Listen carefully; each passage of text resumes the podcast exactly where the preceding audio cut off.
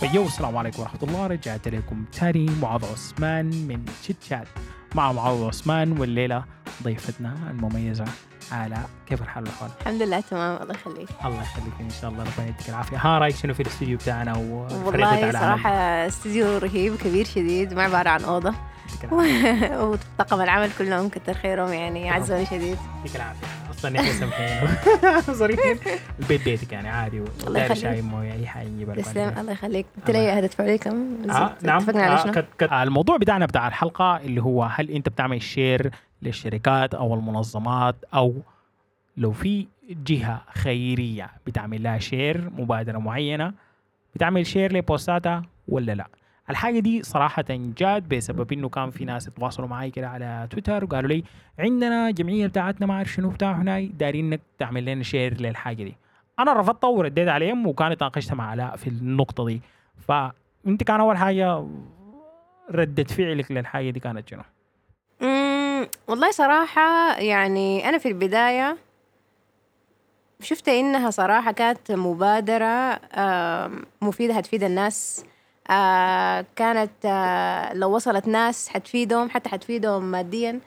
لكن بعدين انتبهت لأنه آم، هي كانت جهة آه، مدعومة بمبلغ كويس وكانوا دايرين منك إنك آه، تنشر لهم ال- البوست ده يعني مجانا. ف دي احتمال النقطة اللي أنا ركزت عليها إنه الناس ديل مدعومين قروش كثيرة جدا جدا عشرات آلاف الدولارات. وبيسألوني إني أنا أعمل لهم حاجة for free إني أنا أنشر لهم الحاجة دي أعمل لهم promotion للحاجة دي. وهي دي النقطة هنا إنه أنا لما أعمل retweet it's a promotion it's an endorsement endorsement بالعربي رعاية للحاجة دي. أنا راعي للحاجة دي مؤمن بالفكرة دي. وبرا عادة أي زول قاعد يعمل post على انستغرام ولا بتاع بيكون فيها hashtag ad عديل كده ليه؟ لأن وزارة التجارة الأمريكية وكمية بتاعت الدول الأوروبية أو غيره من العالم الأول ده طوالي بيطلبوا الحاجة دي عشان يعرفوا إنه أنت لما دفعوا لك عشان تنشر صورة للتلفون المعين صورة للمشروب الغازي المعين دي دعاية عشان الناس تعرف إنه دي دعاية وأنت مدفوع لك قصاد الحاجة دي وما تمشي تشتري الحاجة دي بس مصدقه انه انت بس راعيها لانك مؤمن بها وما دافع لك من وراها قروش. فدي النقطه هنا ده انه اي event اي حفلة اي وات من وراها في قروش أصلا بتاعت promotion قاعد تطلع. فالأولى انت لما تيجي تطلب مني أنا أعمل لك share ولا أعمل لك retweet تدفع لي قروش ال promotion يعني جزء من القروش اللي انت قاعد تدفعها دي زي ما انت دفعت للزول بتاع البوسترات زي ما انت دفعت للمصور اللي هيجي يصور لك ال event ده أو غيره دفعت للناس الشغالين ذاته جوا ال event تدفع للناس ال- لكن يعني لو مثلا في زول عمل poster آه أنا بقوم بدفع له ولو في زول صور لي أنا بدفع له لكن أنت عشان تعمل retweet بس ما حتكلفك شيء. فكون إنه أنت تصلك قروش من الحاجة دي يعني أنا بالنسبة لي صراحة الفهم ده كان شوية يعني ما راكب لي راسي أو يعني حاسة إنه ما بقدر أقول لزول إنه تدفع لي عشان أعمل لك share. ف هل شايف إنه الفهم ده ممكن يكون عادي هنا في السودان؟ ما هي النقطة إنه في النهاية أنت داير المت... أنت ما داير بأي حاجة. ما بيهمك أصلا ال... ال... أنت كشركة ما بيهمك أصلا ال... ال... ال- الحاجة المتابعين بتوعيني ولا بيهمك ال... ال... ال... النقطة هي إنه أنت كشركة ما بيهمك أصلا أنا منو ولا قاعد بعمل فياته محتوى ولا بتاع. المهم عيون الناس المتابعيني أنا. الأرقام المتابعاني دي. ال followers اللي هم في النهاية حيشوفوا المنتج بتاعك أو حيشوفوا الشركة بتاعتك أو حيشوفوا ال event بتاعك وحيحصل له ترويج. المهم هنا العيون بتاعت الناس. عشان كده الناس في الدعايات بتاعت التلفزيون بيدفعوا literally ملايين الملايين عشان شوية ثواني. 30 ثانية 25 ثانية في إعلان بيتحضر قبل المسلسل ولا بيتحضر زي أيام رمضان دي قبل الآذان بتاع المغرب؟ ليه؟ لأنه في ملايين الناس قاعدين بيحضروا الحاجة دي في الوقت ده. أنت دايرة ال- في النهاية المنتج بتاعك يصل للناس ديل في الوقت ده. عن طريق سواء كان retweet سواء كان عن طريق ال post سواء كان عن طريق غيره. غير كده أنا تعبت سنين وسنين عشان أصل للمتابعين بتوعوني ديل هم قاعدين بيتابعوا المحتوى بتاعي ده. في النهاية أنا ما ممكن أنشر لهم أي حاجة. أنت ما تقدر ترسميني مجانا بما إنك أنت قاعد ترسمي وعندك حساب رهيب جدا على انستغرام وبتاع هناي. ما ترسمي الناس مجانا؟ ليه ما بترسمي الناس مجانا أنت؟ صراحة دي إهانة لما زول يقول لي ممكن ترسميني مجانا. يعني زمان أول ما بديت كنت بعمل حاجة عادي لأنه بعتبر إنه أنا أصلا الرسم ده بالنسبة لي هواية وعادي ممكن أرسم. بالعكس كنت بعتبره شرف لي إنه آه أنت يعني شايف إنه أنا رسمي كويس يعني عشان لدرجة إنه أنا أرسمك كويس جدا طوالي رح. آه وبرضه كانت بالنسبة لي وسيلة إنه آه أعمل بوستات أصلا و- والبوستات دي تلقى يعني متابعين وجمهور إنه أرسم كتير و... وحرسم كتير بإنه أرسم ناس كتار يعني ما بقروش. لكن طبعا يعني خلاص كل ما انت تتطور أكتر وكل ما يعني مستواك تتعب عليه أكتر وأكتر بتبقى الحاجة دي مستحيل طبعا زول يرضى بها يعني. ف أكيد ما حرسم زول مجانا لكن أنا كلامي لك إنه يعني هو عبارة عن retweet بس retweet ما حيكلفك أي مجهود ولا أي حاجة. هل شايف إنه ممكن في السودان مثلا الناس ترضى تعمل الحاجة دي بقروش ولا فعلا الناس بدأت تعمل الحاجة دي يعني الوضع كيف هسه حاليا؟ طيب الوضع حاليا إنه في كمية بتاعت agencies دي شغلتها بتربط الشركات بالمؤثرين وال influencers والناس اللي عندهم متابعين كتار على انستغرام على تويتر أو غيره literally بيدفعوا قصاد ال share الواحد ال post الواحد على انستغرام 200 في ناس ال rate بتاعهم 500 دولار. what 500 دولار في قصاد السودان؟ أي بس post واحد على انستغرام من التليفون بتاعهم اللي هو ما حياخد منهم ثانيتين ثلاثة على 500 دولار في 500 السودان؟ دولار أي وفي السودان أي. من الكلام ده كله رايح عليه والله جد يعني المفروض أستغل متابعني exactly that's the point إن أنتوا المفروض بعد كده تستغلوا المتابعين ما تستغلوا ما تستغلوا المتابعين.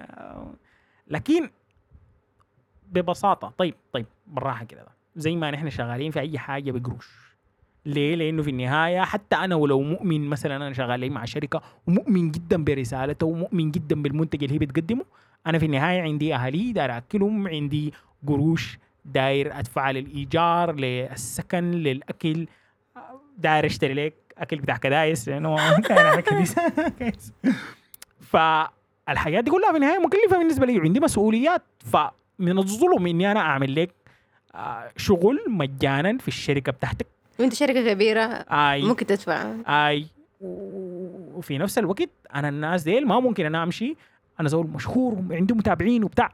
حمشي لي بتاع البقاله أقول له يا أخي اديني بسكويتين ورطلين بتوع السكر ولا هو السكر بقى بالكيلو اديني كيلو بتاع سكر وما عارف ودقيق وبتاع. بعمل لك retweet في بعمل لك exposure ليه ما تشتغل عشان ال exposure ال exposure النشر الدعاية للبقالة تحتك دي أنا هعمل لك for free حيرضى بتاع البقاله ما حيرضى أكيد. the same same goes للموضوع بتاع إن أنا ما ممكن أنشر لشركة مجانا. طيب خلينا من الشركات. النقطة بتاعت الشركات دي يعني عارفين إنه هسه حاليا كمية بتاعت لعيبة بتاعت كورة لما يجوا آه مثلا كريستيانو رونالدو عنده عقد مع ناس نايكي. كل سنة بينزلوا له جزمة جديدة بيعملوا له design جديد رهيب عشان يلبسها عشان يلعب بها في الدوري عشان يلعب بها ما أعرف في كأس العالم وبتاع. والناس تشوف إنه لا wow كريستيانو رونالدو مرعى تحت رعاية نايكي. لابس الجزمة بتاعت ناس نايكي لما تخلص كلام الكورة دي. شعرت بالملل معلش. يعني النقطة هنا إنه كريستيانو رونالدو ما قاعد يعمل الموضوع ده من طيبة قلبه قاعد يعملها لأنه في النهاية دي جزمة ظابطة. أي نعم. لكن قاعد يدفعوا لهم من وراها ملايين الملايين عشان يعمل لها promotion وعشان نصور لكم صورة وكم فيديو ودعاية لل- للجزمة دي. فبنفس المقدار ليه انت تعبك اللي بترسميه وده ما يكون قدامه مقابل ليه أنا المحتوى اللي قاعد أقدمه هنا على البودكاست على يوتيوب على غيره. ما يكون قدامه مقابل في في الرعاية أو الدعاية اللي أنا بعملها. منطق والله كلام منطقي. طيب سؤال. خلينا من الإيفنتات خلينا من الشركات خلينا من البتاع. هل لو جاتك منظمة خيرية قالت لك اعمل لي share لل post ده لأنه حيفيد الناس ونحن جمعية وكافلين أيتام وبتاع هنا ونحن ومبادرة وبتاع لخدمة الحاجة دي؟ هل بتعملي share للناس دي ولا لا؟ والله صراحة بيعتمد على المنظمة لكن عادة أنا ما بشير حاجات زي دي وأنا عارفة إنه يعني الحاجة دي بتعمل لي صراع أخلاقي عادة لأنه يعني هو عمل خير وهي منظمة وقاعد تعمل عمل خير والحاجة دي كلها عشان تساعد ناس. وهم بس دايرين إنه أنا أوصل كلمتهم لجمهور أكبر. في نفس الوقت يعني أنا بقلق شديد لما أنشر عن حاجة أنا ما فاهمها كويس وما عارفة تفاصيلها بالضبط لأنه بحس إنه مسؤولية آه يعني قدام المتابعين بتاعي إنه لو أنا مثلا طلبت منهم يدفعوا قروش لجهة وأنا ما أعرف الجهة دي بالضبط بتعمل شنو بالقروش دي أنا حاسة إنه دي مسؤولية بالنسبة لي. فعشان كده أنا قفلت الباب ده تماما آه وبقيت نهائي في ال social media ما ما بشير تبرعات ولا يعني بساهم في الحاجة دي اخترت إنه لا أنا أختار المنظمات اللي أنا بعرفها في الحياة الواقعية أو كنت ضمن ضمن الفريق بتاعها أو شاركت فيها وأشجع الناس اللي بعرفهم إنه يتبرعوا لهم إنت رأيك شنو في الحاجة دي؟ هل شايف إنه الحاجة دي اخلاقيا صح ولا لا؟ أنا كزول اشتغلت في كمية بتاعت منظمات كمية بتاعت NGOs وغيره. يعني مثلا أنا اشتغلت قبل كده في نفير. ليه؟ لأنه شفت ناس. نفير ديل كانوا شغالين وبتاع 2012 2013 كانوا شغالين في الموضوع بتاع الفيضانات في السودان ومساعدة المتضررين من الفيضانات. شفت الناس ديل شغلهم كيف؟ عرفت موقعهم ما عارف كان في لفة الجريف ما عارف شنو في العمارات. مشيت المكتب بتاعهم وتبرعت إن أنا أمسك أصور لهم أغطي الحاصل على أرض الواقع. آه وده من الحاجة اللي أنا بقدرها اللي هو شغلي أنا في الزمن ده. رغم إنه أنا لو مشيت لأي شركة حقول لهم ادفعوا لي حق التصوير حق الزمن اللي أنا بجيكم عشان أصور لكم ده. لأنه الكاميرا أنا ما لاقيها واقعة اشتريتها بقروش والزمن اللي أنا تعلمته عشان أصور. لكن دي كانت خدمة بالنسبة لي للمجتمع.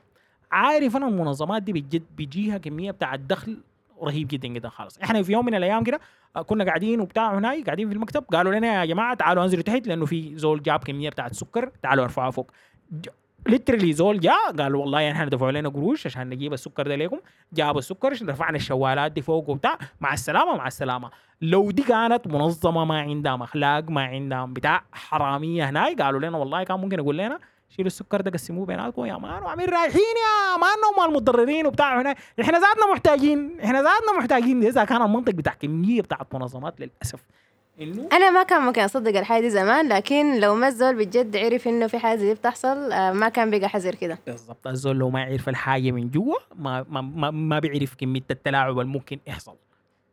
فالحاجة دي أنا بتخليني إنه أنا ما أضمن معلش ما بضمن أي منظمة. ومهما لأنه أنا ما بقدر أتحقق من كل منظمة أنا هعمل لها retweet من كل منظمة أنا هعمل لها دعاية ولا هعمل لها share ولا هعمل لها بتاع. ده وقت بالنسبة لي أنا في النهاية عندي مسؤوليات أو غيره. الزول الداري يجي يتبرع بيقول لك في النهايه الموضوع ده بالنية. يعني انت بتتبرع بنيتك وتحت التبرع دي القروش دي مرقت منك خلاص ربنا بعد كده بحاسبك على نيتك بس ما بحاسبك على هي الشركة دي قاعدة بتعمل في شنو. لكن من الأولى إنه الزول يتحقق من الشركة دي. غير كده لما الموضوع يبقى فيها share تدعم تودي الحاجة دي للمتابعين بتاعينك 10000 نفر ممكن يشوفوها في تويتر أو في انستغرام الحاجة دي بتبقى عليها مسؤوليه أكبر. بعد كده. لكن دي حاجة المحزنة إنه شوف أنت مثلا لو عندك متابعين كتار كان ممكن تساعد كيف وكان ممكن مثلا بجد تغير حياة ناس ولا كده. فكون انه زولك في الباب تماما ما شايف إنه الحاجة ضررها أكبر من نفعها أو انها حاجة يعني؟ العسكرية بتقول الخير يخص والشر يعم. الخير لما انت تعرف لك جمعية كويسة انت متحقق من الجمعية دي. مثلا نحن لما جينا في الزكاة تحت الفطر أنا ريتويتد إنه ناس صدقات عندهم عن طريق ما عارف كمية بتاعت بنوك ممكن تدفع زكاة الفطر طوالي لناس صدقات وفعلا ده الناس بيودوها للمكان المحتاجه. على قدر أنا بعرفه لأنه بعرف لي زول شغال في الصدقات هناك صاحبي وبتاع هناك عارف القروش دي قاعد يودوها فيها مشاريع سقيا بتاعت آه ناس آه كفالة أيتام أو غيره أو غيره أو غيره. فعارف الناس دي أنا شفت شغلهم على أرض الواقع وعارف الناس اللي قاعدين بيعملوا في شنو. عشان كده عملت اندورسمنت للحاجة دي وأنا بعدين بتحمل الحاجة دي قدام ربنا قدام الناس اللي حتبرعوا من وراي للجمعية دي. لكن لما تجي جمعيه أنا ما بعرف هي قاعدة بتعمل شنو بالقروش دي ما قاعد عارف القروش دي في النهاية قاعد يودوها وين بيبقى طوالي إنه في مخي إنه أنا لازم أتحقق من الموضوع ده. كيف؟ ما قادر أتحقق منه ما بعمل لكم share معلش. ففي النهاية الدال على الخير كفاعله. يعني أنت دليت على زول على خير ربنا بيديك الأجر برضه بتاع قدر التبرع اللي هو يتبرع الزول ده وبتاع. فالحاجة دي لو كانت بالضد لأنه القروش دي قاعد يشيلوها وقاعد يصرفوها في كلام فاضي بتبقى عليك مسؤولية برضه كزول influencer وكزول مشهور وبتاع ومؤثر وهناك إحنا ما نتكلم عن الكدايس اضمن الكدايس ما عندك شغلة باذن okay. لكن فعلا كلامك صح وأنا شايفة إنه من مسؤولية أي زول لو هو بجد داير يساعد يتعب شوية ويشوف قروش دي بتمشي وين بدل ما يختار الطريقة الأسهل ويشوف أقرب post لاقاه ويتبرع له طوالي يعني أنا شايفة إنه انت لو استقصيت وعرفت بجد من الناس المحتاجين ومن المنظمات اللي تتسق بها وتعبت شوية يعني الأجر حيكون كمان مضاعف أكتر إن شاء الله. وزي ما قال عمك إنه في ناس حتنفعهم التبرعات أكتر من غيرهم الأقرب والأقرب والأقرب الأهل الجيران الناس الحلة الناس القريبين لك. لأنه أنت بتكون عارف الحاصل عليهم شنو وأنت عارف المحتاج بجد منهم شنو وأنت عارف إنه قروشك دي بجد هتمشي لزول محتاجة. و المجتمع بتاعكم هيكون مجتمع تكافلي وهيكون مجتمع متماسك مترابط أكتر. آه. دي النقطة كان قالها عمي إحنا كان مشينا لهم في العيد زيارات في العيد كانت محصورة وكنا تباعد لابسين ماسكات وبتاع محاجزين يعني. كورونا عاملين حساباتنا شديد. آه فكان بيتناقش معنا في الموضوع بتاع الجمعيات الخيرية وبتاع وعندنا إحنا من الشمالية فعندنا كمية بتاع جمعيات خيرية هناك وبتاع. فكان بيتكلم عن النقطة إنه حتى ولو الجمعيات دي انت ما تقدر تتبرع لها في النهاية أنت زول من برا الريال بتاعك ده بيعمل 10 جنيه ولا 100 جنيه هنا في السودان. الدولار ده بيعمل 400 آه، جنيه هنا في السودان. بيفرق مع كمية بتاعت ناس. ما دار تتبرع لجمعية. الأولى خيركم خيركم لأهله الأولى أهلك. عارف ود خالتك هنا محتاج حق الجامعة لأنه داخل الجامعة بتاع دار يشتري ليه كراسات دار يشتري له دار يدفع. القسط ذاته بتاع الجامعة عارف إنت محتاج للحاجة دي حتساعده في النقطة المعينة دي ده بالنسبة لك أجر أكبر من إنك تدعم لك زول إنت ما بتعرفه أو زول بعيد. يعني ما ما بنقول إنك ما تدعم الناس البعيدين لكن أدعم الناس الأقرب. دي النقطة اللي كان بيقول عليها عمي إنه الموضوع ده بجد بيخلي الناس إنها بيتكافلوا أكثر لما واحد مثلا يرسل لي ود أخته ولا ود أخوه هنا الحب بين الأسرة بيكون أكبر. بكثير لأنه الناس قاعدة بتتعاون فيما بينها.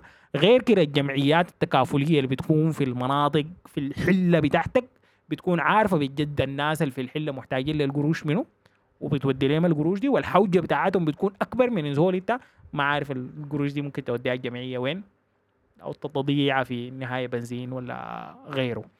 ف yeah أعتقد إنه غطينا بجد النقطة بتاعت الترويج وال promotion وال endorsement وال retweets عندك أي حاجة تضيفها في النقطة دي؟ والله صراحة يعني متحمسه شديد أعرف الناس اللي قاعد يسمعونا رأيهم شنو في الموضوع ده لأنه آه إحنا تناقشنا في الحاجة دي كتير إنه يعني في ناس بالنسبة لهم ال retweets دي ما بتسوى شيء وعادي ممكن يعملها وإحنا يعني بالنسبة لهم آه، يعني overthinking الموضوع ده شديد.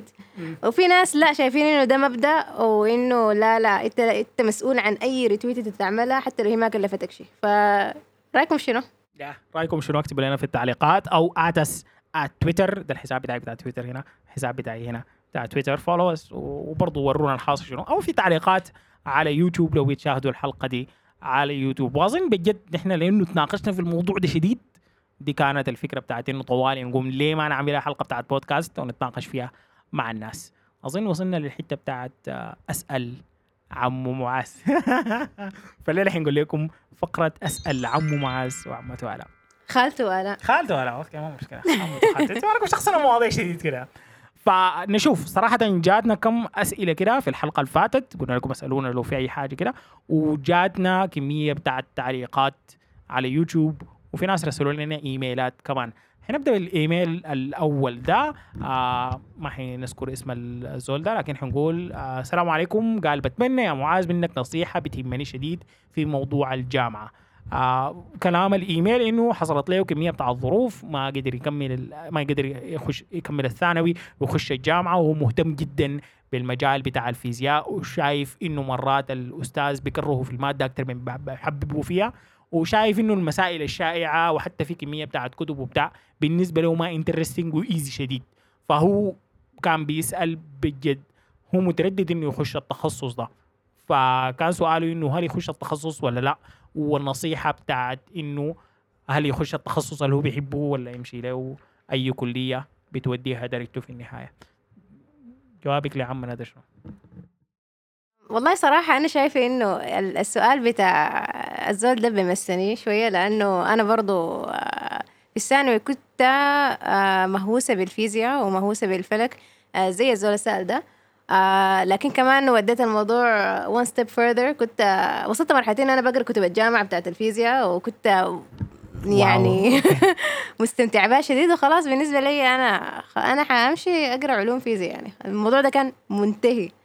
لحد ما فوجئت بإنه أي زول بعد ما جبت نسبة كويسة الحمد لله آه، أي زول قال لي خش طب. including أستاذ الفيزياء ذاته. قال لي أنت دايرة تخشي فيزياء تعمل شنو في النهاية؟ حتبقي بتطلعي الدور الفوق وترجعي الدور التحت وبتقري زي يعني في مدرسة بتاعت ثانوي. ف يعني في النهاية أنا خشيت طب وأنا طبيبة وما ندمانة على القرار ده. آه لأنه في النهاية وصلت للقناعه بتاعت إنه ما هي حاجة أنت بتحبها آه، أو مهتم بيها بالضرورة تكون المجال بتاعك عادي تكون عندك انترست مختلفة آه وتكون بجنبها. يعني مثلا أنا نص حياتي عبارة عن رسم لكن ما ندمان إنه أنا ما درست رسم في الجامعة لأنه يعني حاسة إنه حكون حصرت نفسي بالطريقة دي. فلو حجاوب على سؤاله هو كان داير يعرف إنه هل آه هو بجد بيحب المادة دي لدرجة إنها تكون تخصص ولا لا وأنا جوابي له حيكون لو بجد داير تعرف انت داير تتخصص في المادة دي ولا لا أمشي شوف الناس اللي قروا المادة دي وطلعوا وتخرجوا من الجامعة قاعدين يعملوا في شنو. إحنا لما قرينا فيزياء في الجامعة كواحدة من المتطلبات أنا فوجئت بقدر شنو الفيزياء دي مملة شديد. آه يعني يمكن المحاضر كان عنده دور في الحاجة دي لكن حسيت إنه لا لا أنا بس مهتمة بحاجات معينة في المجال ده وحاجات تانية أنا ما داري أشغل نفسي بها وما داري أشغل نفسي بالرياضات الكثيرة اللي عندهم والمعادلات اللي عندهم وكده. فنصيحتي لك إنك تمشي كلية العلوم وتشوف الناس اللي بيعملوا في شنو بيقروا كيف وتسمع منهم هم أكتر ناس حيفيدوك في الحاجة دي. وبرضه النصيحة الثانية زي ما قلت لك إنه ما بالضرورة تحصر نفسك في الحاجة اللي أنت بتحبها جرب حاجات تانية وشوف أنا واحد من الناس برضو أنا لما درست الثانوي كنت دار أخش طب الغريبة. اكشلي كنت متفق مع واحد من أصحابي اللي هو أبو بكر ما أعتقد إنه قاعد يحضر الفيديو ده لكن آه هو فعلا خش طب وحاليا بقى طبيب وبتاع هناك لكن أنا لما خشيت الجامعة كسرت الحنك بتاع الطب ده ومشيت شفت لي حاجة ثانية آه اللي هو قريت في النهاية زراعة وإرشاد زراعي. استفدت من الارشاد الزراعي ده في الشغل الإعلامي اللي أنا حاليا شغاله. لكن الإعلام والتصوير والحاجات دي كانت بالنسبة لي interest ما كانت الوظيفة بتاعتي الأساسية. اشتغلت في الحاجة دي فترة لكن في النهاية غيرتها ورجعت لل interest بتاعي واتبحرت فيه زيادة. وخليت الحاجة اللي قريتها في الجامعة. أنا شخصيا نصيحتي إنه الزول يجرب لكن النقطة المهمة إنه غير التجريب بتاع الجامعة دي صراحة أنا بعتقد إنها سنين كثيره إنك تقعد تجرب فيها. خمسة سنين وسبع سنين دي حاجة كثيره إنك تقعد تجرب فيها. ممكن تجرب إنه في الفترة بتاعت إجازة الثانوي تمشي تشوف الناس بجد هم قاعد يقروا شنو؟ اول حاجة في الجامعة. بتعرف لك زول في الفيزياء في الكيمياء في الأحياء امشي شوف الناس اللي قاعد يقروا شنو؟ في الكلية عشان تفهم. واحد من الناس أنا برضه كنت مهتم بالعلوم الرياضية وما أعرف شنو بتاعه هناك مشيت شفت كلية العلوم الرياضية لقيتهم قاعد يقروا الرياضيات. أنا مهتم أكثر حاجة كان بالحاسوب وبتاع هنا بالحاجات اللي علاقة بالكمبيوتر. طوالي لغيت الحاجة دي إن أنا ما أمشيها. فأمشي أشوف الناس اللي قاعد يقروا شنو؟ الحاجة دي اللي قدام قاعد يطبقوها كيف على أرض الواقع. وممكن أنت فعلا إنك تكون مهتم بالفيزياء تبقى لقدام عالم بتاع فيزياء تبدع وتبدع في المجال ده وتبرز زي ما بقولوا تبقى زول بارز في في الحاجة دي.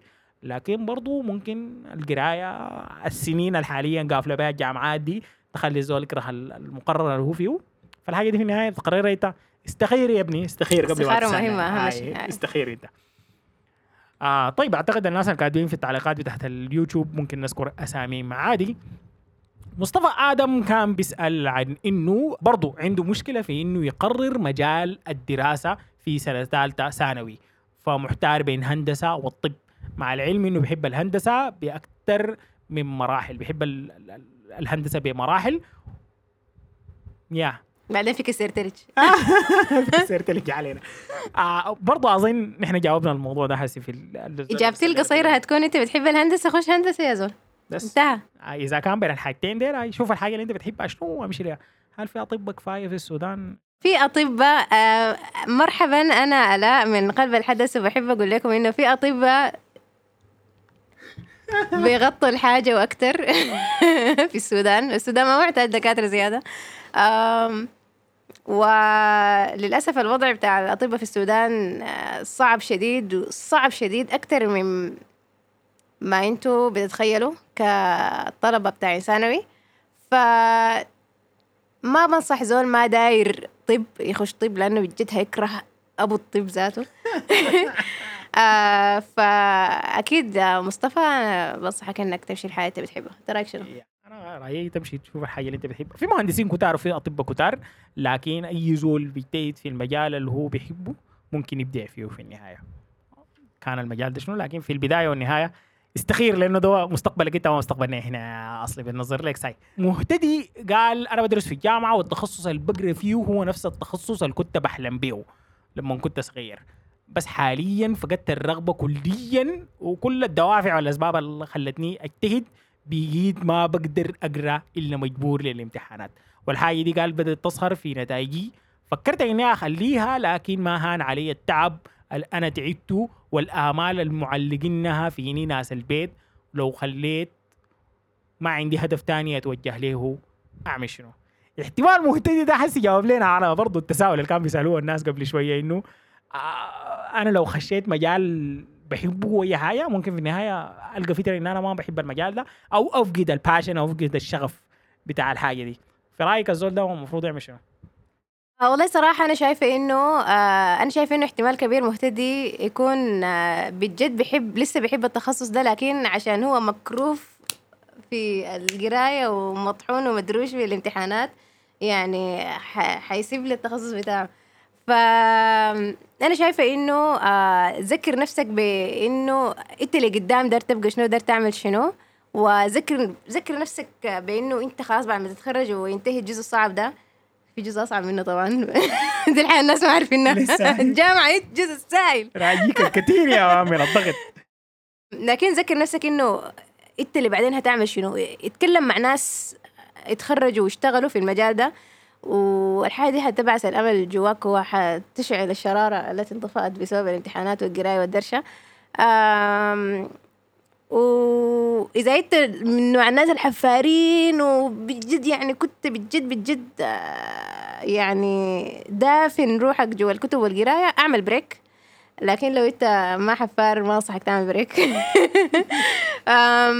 آه لكن لو انت اتاكدت اتاكدت اتأكدت انه فعلا فعلا فعلا انت ما داير التخصص ده وأظن انه يعني آه الاحتمالية دي ضعيفة صراحة. ما في ما يمنع انك آه تشوف لك حاجة تانية. بالرغم من انك قطعت شوط في الحاجة دي ما في ما يمنع انك آه تبدأ حاجة جديدة من البداية. أنا احتمال نصيحتي تكون مختلفة شوية. أنا رأيي تدرج في المجال ده تحاول تذكر روحك ذاته. بقبيل انت كان كنت داخل المجال ده ليه؟ تعب روحك انت عشان دخلت الكلية دي وقضيت السنين اللي انت قضيتها دي. تدرج تجيب لك درجة عالية تثبت بيها موقفك في الموضوع ده لأنه انت دخلت خلاص. وزي ما انت قلت ده إحنا دائما احتمال نحن بننسى إنه في الآمال بتاعت الأهل والناس المعتمدين عليك لقدام احتمال تكون كبير البيت. حزين إحنا نقول لك اكسر حنك شوف لك حاجة ثانية وناس البيت كلهم معتمدين عليك. آه، يتموسروا في ال- في الموضوع ده. فالنقطة هي أنا نصيحتي أدرش اجتهد في المجال ده شديد أمرق لك بنتيجة ظابطة اشتغل لك أي شغل. لو حبيت لقدام أنا واثق إنك لو درست وتذكرت الحاجات اللي أنت كنت بتحبها بها المجال ده ذاته ليه حتحبه أكتر. لكن لقدام أنت لو كرهت الحاجة دي لقدام بعد ما تشتغل بيكون عندك المجال بتاع إنك تقرأ لك حاجة ثانية تشتغل لك في حاجة احتمال تكون شغفك لقدام تكتشف لك شغف جديد تشتغل فيه زي ما أنا قريت. تخرجت من كلية الزراعة ممكن أنت برضه تلقى لك حاجة بعد ما تتخرج تشتغل لك في حاجة هوايتك أو حاجة تعجبك أكتر من الحاجة دي. لكن حاليا ركز في قرايتك ادرس شديد والسنتين اللي اجزوها تقريبا الجامعات في السودان بسبب كوفيد وبسبب لعبت. بنفسية الناس كتير شديد. وزهدت الناس السنتين بتاعين كوفيد آه، وال وال والثورة والسنتين اللي أجزوا فيها الناس أثروا كتير على نفسيات الطلبة وخلت الناس تزهد من الحاجة اللي هي بتقرأ فيها لكن حتى لو ما الناس ما أجزت برضو آه عادي أي طالب يمر بمرحلة إنه بيكره الحاجة اللي هو بيقرأ فيها والحاجة دي بتحصل في كل التخصصات حصلت لنا كلنا. فأنت خدت الحاجة دي في راسك إنه الإحساس ده عادي وحيعدي آه وما تشيل هم صفية برضو بتسأل قالت إنه الحل للملل في الحاجة اللي بعملها أغير أو أجدد الأسلوب. طيب بالنسبة لإني طالبة جامعية وبقيت بميل من الجامعة ومن روتين أيام الجامعة والحاجة دي بتأثر في دراستي ومعدلي. أنا ما أعرف أنا الناس اللي كتبوا تعليقات كانوا شايفين التعليقات تحت الناس التانيين ولا كانوا شايفين أجوبتنا للأسئلة تحت الناس؟ كلها آه كلها حياة جاية ورا بعض. أي فحاجة دي مرتبطة جدا. صفية دي برضو تشعر بالملل. كيف أتجاوز الملل ده؟ نظرا لإني بحب مجالي بس الشغف اللي دخلت به الجامعة قل كثير حاليا أو شبه. منعدم. نقول لك نفس ال- ال- الكلام اللي قلناه لمهتدي قبل شوية. الشغف ده بيمشي وبيجي. زي الإيمان في قلب البني آدم عادي. أنت أيام كده بتكون ماشي ومؤمن وبتاع والصلاة دي ولازم أجود واصلي لي ركعتين والتهجد وهنا وبتاع. وأيام تانية مرات إيمانك كده بيكون تعب شوية. ده عادي. زيها زي أي استراحة بتاعت محارب. المفروض تاخذ لك إجازة بريك شويتين. الشغف ده تحاول إنك تعيده بعد ما تاخذ لك إجازة كده بتاعت يومين ثلاثة. تحضر ما لك كمان شهر ولا هاي شهرين تحضر لك حلقتين بس بتاعت بودكاست كده. تستفيد منهم. وتحاول إنه بعد كده تعيد ال... اشعال الشغف. يا صفية بالتوفيق. أنا صراحة برضو كنت حاجاوب نفس الجواب إنه آه، لما تحس إنك خلاص زيشت تيك بريك تيك بريك خالد آدم أنا خليت الجامعة نسبة للظروف واغتربتها لكن بقيت في صراع بين أرجع للدراسة وأقعد أشتغل في الغربة. الراي شنو؟ أنا كواحد اغتربت قبل كده عارف الغربة صعبة صراحة يعني بعيدا عن لو مختلف فيك أظبط حتة يدفعوا لك قروش كتيرة امور ظابطة و condition امور هنا بتاع. الغربة صعبة شديد. غير كده ده أنا شايف إنه زول الشهادة دي أنا حاسس حاليا بقيت ما مقتنع إن الشهادة كورقة كده مهمة. لكن التجربة تحت الجامعة دي أنا بعتقدها تجربة مهمة جدا جدا خالص. ال socializing اللي بيحصل ال- التعارف بين الناس غير كده التعرف على كمية بتاعت ناس ومعرفة إنك كيف تتعاون وتتعامل مع الناس المختلفين من اعراق مختلفة من مناطق مختلفة من في ناس بيكونوا مغتربين جو يدرسوا في السودان من دول مختلفة. الحاجة دي أنا بعتبرها مهمة جدا. فلو بتقدر توقف الموضوع بتاع الاغتراب ده سنة سنتين. لو بدوك إجازة ما أعتقد إنه بدو إجازة الأيام دي لل pausing لكن لو أنت مقتدر إنك توقف وتجي ترجع تدرس دراستك ده أحسن حاجة. أنا بعتبره ده أحسن قرار أنت ممكن تتخذه. لكن كمان لو في ناس معتمدين عليك مرات الظروف بتاعتنا آه بتجبرنا إنه بجد نكون قاعدين شغالين وموجهين تعبنا وشغلنا ده كله لاهلنا آه وأعتقد إنه الحاجة دي في النهاية اجر لك أنا صراحة بختلف معك آه، من ناحية أهمية الشهادة. أنا زولة تقليديه شديد وشايفه إنه آه، يعني تعليمك مهم التعليم مهم شديد. والزول اللي عنده بكالوريوس ما زي زول ما عنده بكالوريوس. يعني الحاجة هتفيدك لقدام آه، في حياتك كلها. مهما كان مجال الشغل اللي أنت حتشتغله سواء كان في مجالك نفسه ولا ما في مجالك نفسه. فأكيد لو أنت عندك القدرة المالية إنك ترجع لمقاعد الدراسة ما في اثنين ثلاثة. أنا جوابي هيكون إنك ترجع تدرس وإن شاء الله بالتوفيق. لأن الغربة ما حتخليك تصعد لقدام حتخليك بس في مستوى واحد وأي زول هدفه في النهاية في الحياة إنه يمشي لقدام ويطور من نفسه أكتر. طيب ده احتمال بيبين الاختلاف بيناتنا. إنه أنت زولا قريت الجامعة ولغاية حسي مواصلة في الدراسة دي ومواصلة في الشغل بتاعك ده وفي السلم اللي أنت ماشي فيه. وأنا زول خليت الشهادة بتاعتي دي حاليا ملمومة عندي وشغال حاجة ما عندها أي علاقة بال بال بالشهادة. أعتقد إنه دائما البرسبكتيف بتاعنا هيكون مختلف في النقاط دي و interesting interesting. I think إن إحنا الاثنين حنتفق في حاجة إنه حيكون أحسن لو أنت مشيت بديت تعليم متخصص في مجالك اللي أنت اخترته ده آه، يعني يا حتكون أحسن من زول ما عمل حاجة. obviously أنا لو لقيت لي film making school ظابطة لقيت لي scholarship ظابطة حأمشي وحاول إني أنا أبدع في الحاجة دي بالدراسة. لكن حاليا الحاجات اللي تعلمتها من اليوتيوب والحاجات خلاص مستواك بعيد خلاص. ما معلش أنا. اصلي هاي أصلا ما في زول بيصدني وبتاعنا. بس دي دي كل اللي كانت الأسئلة بتاعتكم والاسئله اللي قدرنا نجاوبها الليلة في فقرة أسأل عمو معاذ وخالته آلاء الليلة. في النهايه بقول لكم شكرا لكم للمتابعة وشكرا لحسن الاستماع على منصات البودكاست المختلفة أو لو كنتوا بتشاهدونا هنا على اليوتيوب. لو عجبكم الفيديو ده وشايفين إنه مفيد وعجبتكم الحلقة بتاعت البودكاست دي انشروها لزول بجد بيقدر يستفيد منها. بس في النهاية بقول لكم شكرا لكم للمتابعة. انتظرونا يوم الثلاثاء القادم بمشيئة الله. معاذ عثمان. وآلاء الكديسة. مياو مياو. السلام عليكم. Why did you have to do the Carissa one again?